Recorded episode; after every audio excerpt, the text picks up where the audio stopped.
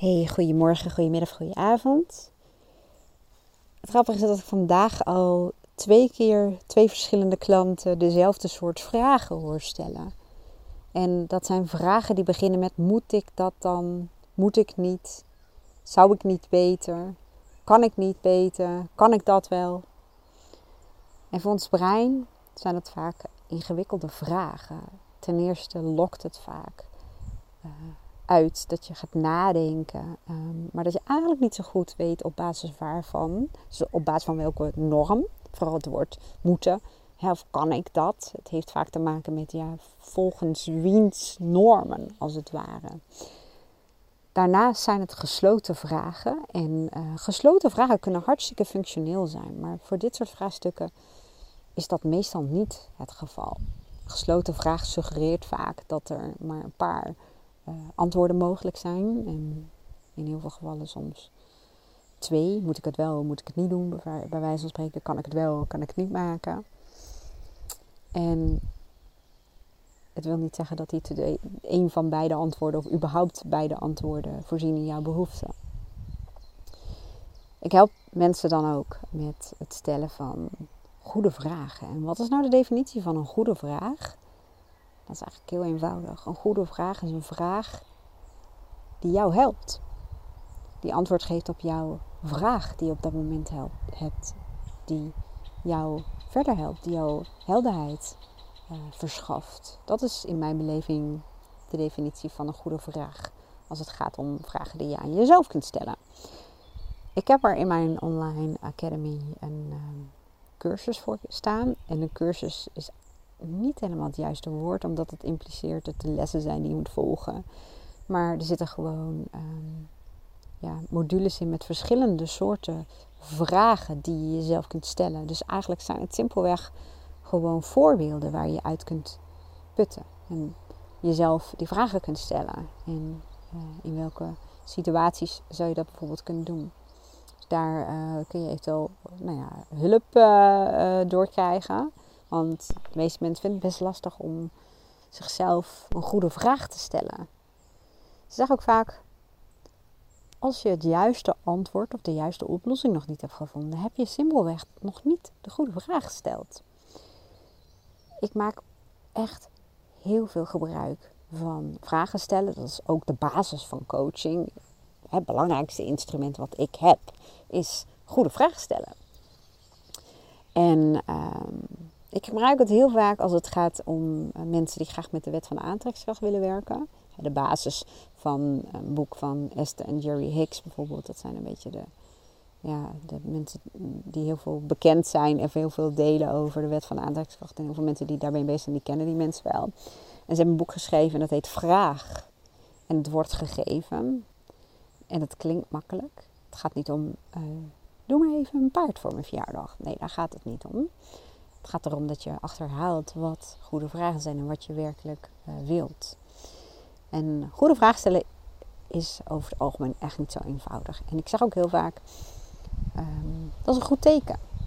Als je je denkkracht en je energie steekt in het stellen van een goede vraag, betekent dat vaak ook dat je echt, echt, echt, echt moet nadenken. En natuurlijk word je steeds slimmer en gaat het stellen van goede vragen je steeds makkelijker af. Maar nog steeds geldt dat. Uh, ik je me goed hoort. Ik begin hier te waaien. Ik zit buiten. Ik probeer even een kommetje van mijn handen te maken. Maar nog steeds is het stellen van de goede vragen of goede vragen formuleren best wel een karweitje. En dat is ook fantastisch nieuws. Want dan uh, zul je merken dat als je dat doet, dat er ook echt dingen gaan veranderen. Dat je echt de kraak zet, zoals ik het dan vaak uh, noem. En ik geef je gewoon één tipje van de sluier. Één vraag die in heel veel situaties goed kan helpen. Dat is een ogenschijnlijk simpele vraag. Maar hij kan echt wel antwoord geven op iets wat op dat moment jou bezighoudt. En die vraag is: waar heb ik behoefte aan? Ik zeg ook heel vaak, en dat zie je ook in die cursus: um, speel met vragen, speel ermee. Want soms kan een woordje toevoegen, weglaten of uh, aanpassen enorm veel verschil maken in het antwoord dat er bij jou uitkomt. En met deze vraag zou je bijvoorbeeld kunnen spelen door te zeggen: waar heb ik behoefte aan? Maar dat is nogal een algemene brede vraag. daar kun je van alles op beantwoorden. Ja, ik heb behoefte aan uh, meer rust, een leukere baan. Maar je kunt ook zeggen: waar heb ik nu behoefte aan? Of waar heb ik op dit moment behoefte aan? Of waar heb ik het meest behoefte aan? Speel ook eens met woorden zoals eigenlijk. Waar heb ik eigenlijk behoefte aan? Heel vaak uh, lokt dat het echte antwoord uit. Dus waar heb ik behoefte aan? Waar heb ik nu behoefte aan? Waar heb ik het meest behoefte aan? Waar heb ik eigenlijk behoefte aan? Uh, nou ja, die. En die vraag helpt vaak beter dan vragen zoals: moet ik dat uh, nu doen? Moet ik dat doen? Kan ik dat wel doen? Zou ik niet?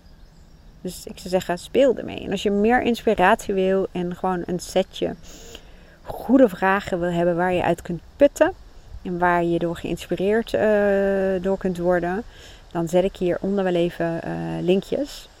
En dan kun je zelf een beetje rondsnuffelen en kijken of het wat voor jou is. Alles wat je bij mij in de Academy aanschaft, om het zo te zeggen, is ook levenslang voor jou. Ik ben niet zo'n fan. Commercieel gezien is dat natuurlijk allemaal veel slimmer om er een einddatum aan te geven. Te zeggen het is maar jaargeldig. Maar ik hou daar niet zo van. Met name ook omdat de tools die in mijn academy staan, ehm, dat is niet even een cursusje die je doet en heel pop klaar. Maar dat zijn gewoon hulpmiddelen. Het is gewoon een soort van gereedschapkistje. Dit is echt super cliché wat ik nu zeg, hè? maar ehm, waar je elke keer dingen uit kunt halen. Wat je met een echte gereedschapkist ook doet. je zult wel vaker een gaatje in de muur moeten slaan en niet alleen maar op dat moment. dan is het fijn dat je gewoon die hamer erbij kunt pakken. Omdat je weet dat je daarmee gewoon het beste gat in de muur krijgt. Nou echt, ik moet nu ophouden. Want het is gewoon zo cliché. Ik ben blijkbaar even niet in staat om iets origineels te bedenken. Maar je snapt wat ik bedoel. Dus ehm, nou, ik hoop dat ik je een beetje geïnspireerd heb. Als dat zo is, dan vind ik dat natuurlijk heel erg leuk uh, om te weten. Dus let me know door bijvoorbeeld een review achter te laten. En je helpt mij daar ook mee. Want die podcast uh, blijf ik natuurlijk uh, gratis delen. En ik vind het ook gewoon leuk. En al die berichtjes die ik ook van jullie krijg, ja, die motiveren me natuurlijk om dit te blijven doen. Alleen ehm, berichtjes in mijn mailbox en in mijn app, die helpen niet om het algoritme van uh, nee, dat is niet waar, dat moet ik anders zeggen. Laat ik het zo zeggen, die helpen mij niet om hoger in de uh, ranking te komen. En dus meer zichtbaar te worden voor andere mensen die hier ook iets aan kunnen hebben. Want zo werkt het uh, nou eenmaal. Dus als je mij wil helpen, dan helpt het om bijvoorbeeld op iTunes, Apple Podcast, um, een review achter te laten. Dat hoeft niet met tekst. Het mag ook zijn dat je een aantal sterretjes aandrukt die je mijn podcast het waard vindt en die instuurt. En voor Spotify geldt hetzelfde. Daar kun je ook um, een beoordeling achterlaten. Dankjewel in elk geval en ik wens je een hele mooie dag.